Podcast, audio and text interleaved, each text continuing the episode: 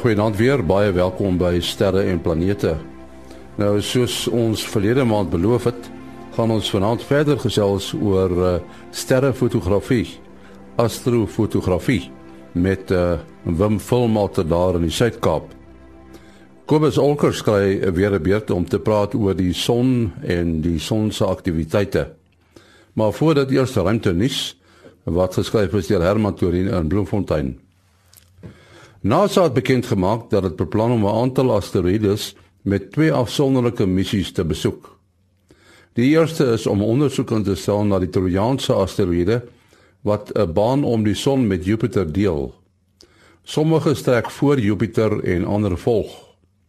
Die asteroïdes is glo oorblyfsels van die boustene waaruit die buiteplanete gevorm is en sal baie lig gaan werp op die ontstaan van die sonnestelsel. Die ruimtetuig staan as Lucy bekend wat in Oktober 2021 gelanseer gaan word en geskeduleer is om 2027 by sy bestemming aan te kom. Onderweg sal dit ondersoek aanstel na 'n asteroïde in die asteroïde gordel. Die tweede tuig Psyche sal 'n unieke asteroïde van 210 km in deursnee in die asteroïde gordel besoek.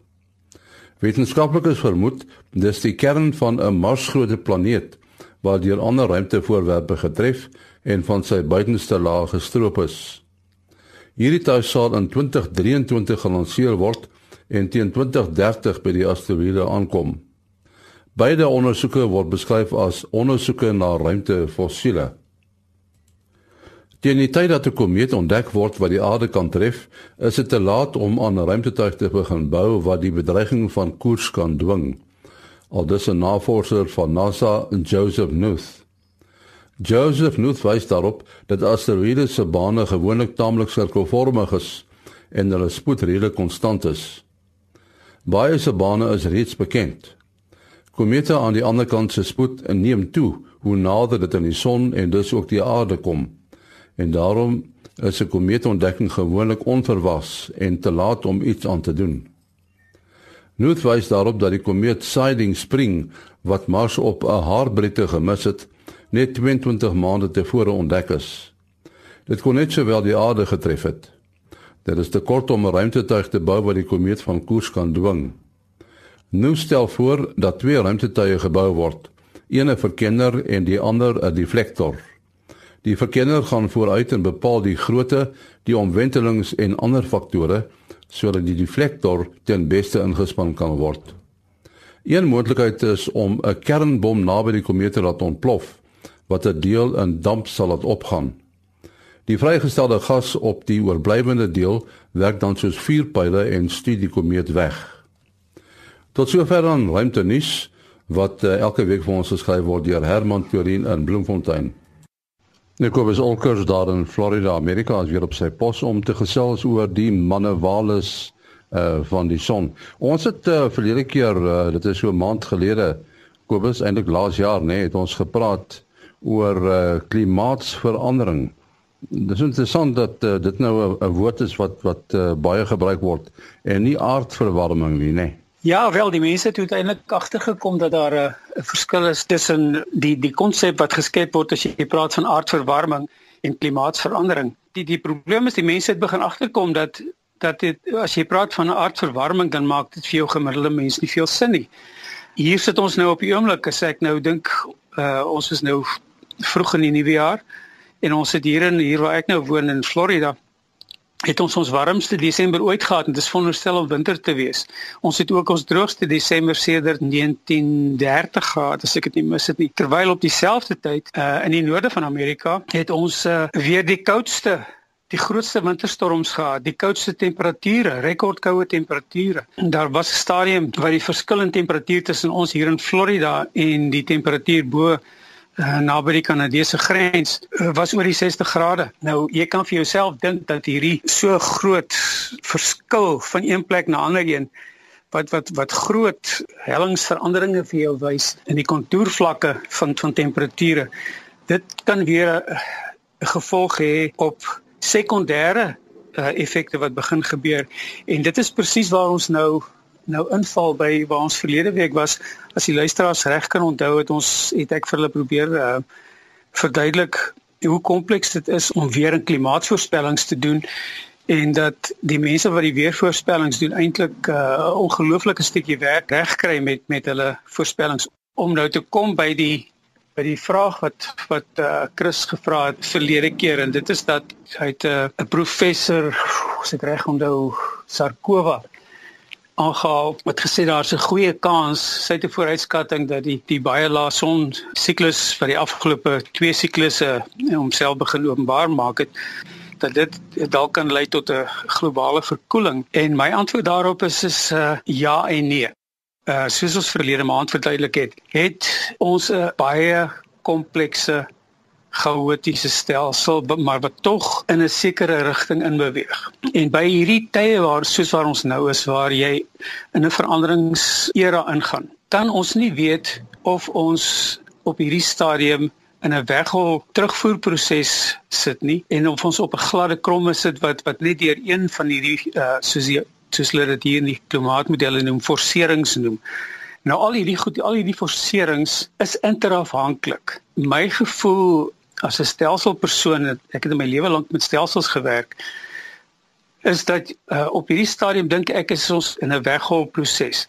Nou ons almal ken hierdie die effek wat jy kry as die uh, as jy by die by die kerkbazaar kom en iemand het die volume net so bietjie te hard opgedraai, die, die eerste mens begin sy sprak sprook dan begin hierdie ding nou fluit en jy kan nou maar dan nou jou hand op daai mikrofoon nou soveel as wat jy lus kry fluit gaan hy fluit.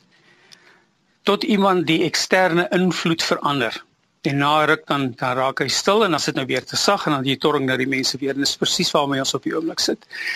Ons het van die grootste forserings as mens gaan kyk na die klim, na die NASA se GISS ehm uh, klimaatsmodel is dinge soos volgens hulle nou CO2, metaangasse en antropomorfiese oorsake met ander woorde dis nou wat hulle sê wat ons veroorsaak.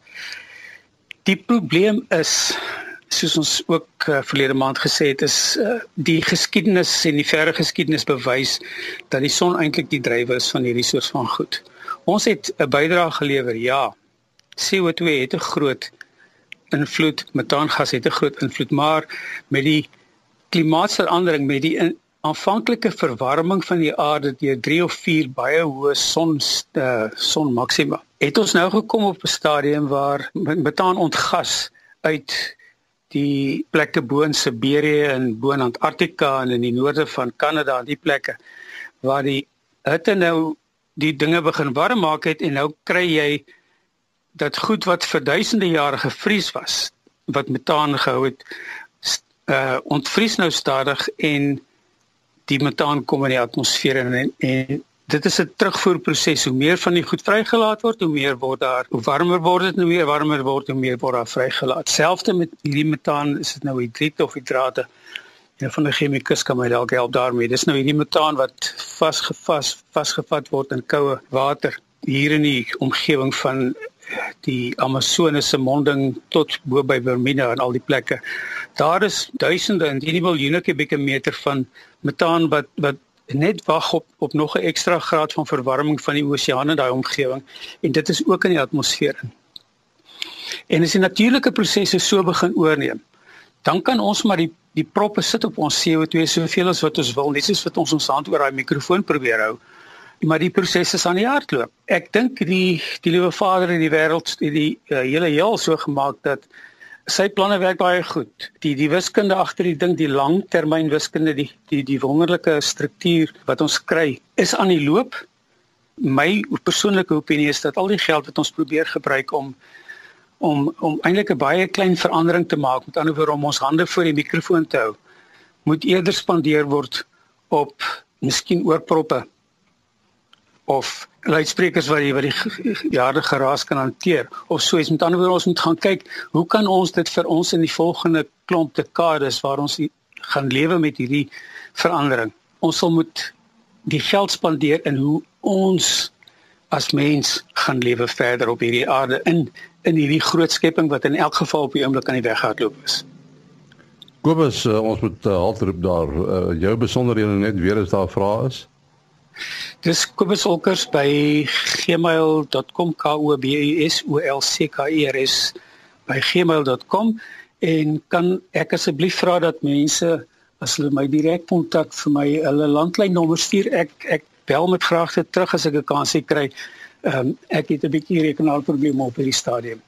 Dit was dan uh, Kobus Olkers daar in Florida, Amerika. Ons het verlede maand met uh, Wim Film Altera van die Suid-Kaap gesels oor die beginsels van fotografie. Ons kon nie praat ons kon nie klaar praat nie en vanaand gaan ons verder gesels oor sterre afneem met 'n teleskoop of met jou kamera. Miskien moet jy my uh, net weer herhaal waaroor ons vorige keer gepraat het. Goeienaand Henny en luisteraars. Vereers wil ek net vir almal 'n voorspoedige 2017 vol foto geleenthede toewens. Om op te som oor die astrofotografie wat ons laas van gepraat het, kan mens begin met selfoonkameras en brugkameras. Nou brugkameras is eintlik nou wat bekend is as die nuwe mik en druk Dis hierdie outomatiese kameras wat gewoonlik 'n verskriklike zoom funksie het tot 60 maal zoom. En daar dink ons byvoorbeeld aan die die name soos die Sony Cybershot, die Nikon Coolpix, die Canon PowerShot en Fujifilm se kameras. Hulle is uitstekend vir die helder voorwerpe in die lug, soos byvoorbeeld die maan en planete en die samekoms van die uh, hemelliggame. Uh voorbeelde daarvan kan gesien word op die Facebookblad van die 1ste en 2de Desember van die samekoms van die maan en Venus. En dit is vir my verskriklik bemoedigend op om op hierdie Facebookblad van ons te sien hoeveel meer mense begin deelneem en fotos neem en instuur. Ja, die Facebookblad is nou die RSC Sterre en Planete Facebookblad. Dis reg ja, dis hy. Hierdie kameras, die selfoon en die brugkameras is ook uitstekend vir fotografie deur 'n teleskoop waar daar 'n oogstuk in die teleskoop geplaas word en die uh, kamera word net gebruik om deur die teleskoop 'n beeld te neem. Gewoonlik word dit ook gebruik vir kort video's van byvoorbeeld die planete en wat dan agterna uh, afgebreek word in die afsonderlike rampies en die rampies word dan gestapel. En dit gee vir 'n ou uitstekende detail op die planete of selfs op die maan. As ons kyk na die groter landskappe, die groot hemelruim landskappe soos waar die die Melkweg so die hele foto volmaak gewoonlik. Dan bly die beste kamera maar die DSLR. En selfs in die DSLR kategorie kyk 'n ou na hoofsaaklik twee groepe. Die volraam formaat uh waarvan die sensor so groot is soos die ou dae se film negatief Hulle is omtrent identies dieselfde grootte. En dan kry jy ook die kleiner raam wat die sogenaamde APS-C sensor het. Hy is met 'n 1.5 faktor gekrimp van die volraam af wat vir 'n ou 'n bietjie kleiner sensor gee en wat dan met dieselfde lens vir jou eintlik 'n telefoto effek gee teenoor die volraam. Die ISO waardes van hierdie kameras wissel ook geweldig van omtrent 100 tot selfs 51200. En die grootste eienskap van hierdie DSLR kameras is dat jy lense kan omruil vir verskillende tipes fotografie. Jy het nou gepraat van deur die uh teleskoop neem. Ek weet nou nie wat is die maklikste manier, deur die teleskoop of uh sonder die teleskoop? Dit hang natuurlik af wat 'n mens wil afneem. As jy detail wil neem van byvoorbeeld planete of die maan, dan moet mens van 'n teleskoop gebruik maak of jy moet 'n geweldige lang lens hê. Ek praat van omtrent 'n 500 mm of 'n 600 mm of as jy die uh, hemelliggame afsonderlik afneem, byvoorbeeld die maan, Mense neem uitstekende fotos met hierdie brugkameras wat dan op 'n driepoot is met sy eie zoom funksie van sê net maar 60 maal vergroting. Dan maak die maan omtrent die hele skerm vol. Dan as jy deur die teleskoop neem, dan moet jy weet enige langbeligting foto gaan die beweging van die sterre optel. So jy gaan streepies kry. So die teleskoop moet op 'n volgmontering wees om die draai van die aarde teen te werk. As ons nou kyk na na uh, om die maan af te neem met 'n DSLR deur die teleskoop. Waarop sou die stelling wees? Is dit gewoon programstelling op jou uh, kamera of uh, moet 'n mens hom op die die spoedstelling sit? Nee, 'n mens moet daarsommar alles met die hand stel. Dit is maar die beste. Jy gaan begin met 'n baie lae ISO van omtrent 200 of miskien 400 omdat die maan 'n baie helder voorwerp is. En dan gaan jy ook moet kyk na redelike kort sluiterspoed. So jy gaan nie gepla wees met die beweging van die maan nie want dit gaan 'n baie kort foto wees en jy het ook nie nodig om die maan af te neem met 'n 'n volgmontering nie. Jy kan dit doen met 'n vinnige spoed en jy gaan die detail goed optel. Die groot suksesresep daar is eintlik maar dat mens gaan rondspeel met beligtingstye en met ISO tot jy die die gewenste effek kry. Nou, meeste van die nuwe DSLR kameras het 'n uh, klein skermpie agter waar die mens kan kyk na die voorwerp. Uh sou 'n mens dan die skermpie gebruik om vir jou ander te gee of die ding wel in fokus is en wat die beligting is? Ja, die beligting gaan jy nie vreeslik kan sien op die skerm nie want hy gaan heel waarskynlik vir jou 'n oorbeligte beeld gee op die skermpie. Maar die fokus kan jy definitief op die skerm self instel. Jy gaan inzoom na byvoorbeeld 'n helder ster en dan ook met die elektroniese inzoom funksie van die kamera nog verder inzoom en dan gaan jy die fokus met die hand stel totdat die sterretjie die kleinste moontlike beeld maak. Dan is hy ook in fokus gestel om die maan af te neem, want om die maan self gefokus te kry uh deur die kamera is nogal moeilik. Ou kan maklik na die een of ander kant toe uitwes. Ja, wat 'n mens moet besef is is dat die teleskoop eintlik die uh, die lens vervang op jou op jou kamera, né? Nee? Dis reg. Daar's ook twee maniere om deur die teleskoop af te neem. Met die selfoon en die brugkameras is dit die maklikste om 'n montering te gebruik wat die kamera se lens presies vashou in lyn met die oogstuk se middelpunt en ook wat hom stewig hou sodat hy nie rondbeweeg tydens die neem van die foto nie. Dan is daar ook die ander metode om die oogstuk uit die teleskoop te verwyder en jou kamera direk te koppel aan die teleskoop. Maar daarmee is daar gewoonlik 'n fokusprobleem en mens moet baie keer 'n ander lens, byvoorbeeld 'n balhou tussenin gebruik om die fokuslengte aan aan te pas. As 'n mens nou die uh oogstuk gebruik uh om jou kamera aan te koppel, dit's nou aan die teleskoop.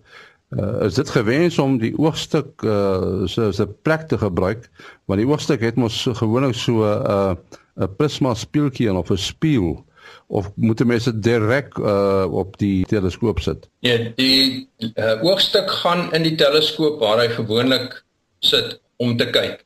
En dan kry jy 'n uh, montering wat aan die oogstuk of aan die teleskoop self vasmaak waarop jy dan jou kamera monteer om dan deur die oogstuk te kyk. Dit is eintlik die heel maklikste. Daar is ook baie uh voorbeelde daarvan. Soos byvoorbeeld Willie het al voorbeelde gewys van 'n montering wat hulle gemaak het vir selfone wat hulle met 'n 3D drukker gemaak het en wat aanpasbaar is vir verskillende selfone om direk voor die oogstuk geplaas te word sodat jy die foto van daar af kan neem. En dan is dit natuurlik ook handig as jou kamera afstand beheer het waarmee jy die foto kan neem sodat jy nie 'n vibrasie op die teleskoop of die kamera veroorsaak wanneer jy die knoppie wil druk nie. Nee, ons gaan seker nog baie lank praat oor uh, hierdie interessante deel van uh, astrofotografie. Ons sê baie dankie aan uh, Wim Volmatter. Uh, Wim jou uh, besonderhede as mense met jou wil skakel. Uh my selfoonnommer is 082 909 3956. Herhaal hom. 082 909 3956. Baie dankie Wim, vol malte daar in die Suid-Kaap. My e-posadres maas.henny@gmail.com. maas.henny@gmail.com. Volgende week praat ons weer. Tot dan. Mooi loop.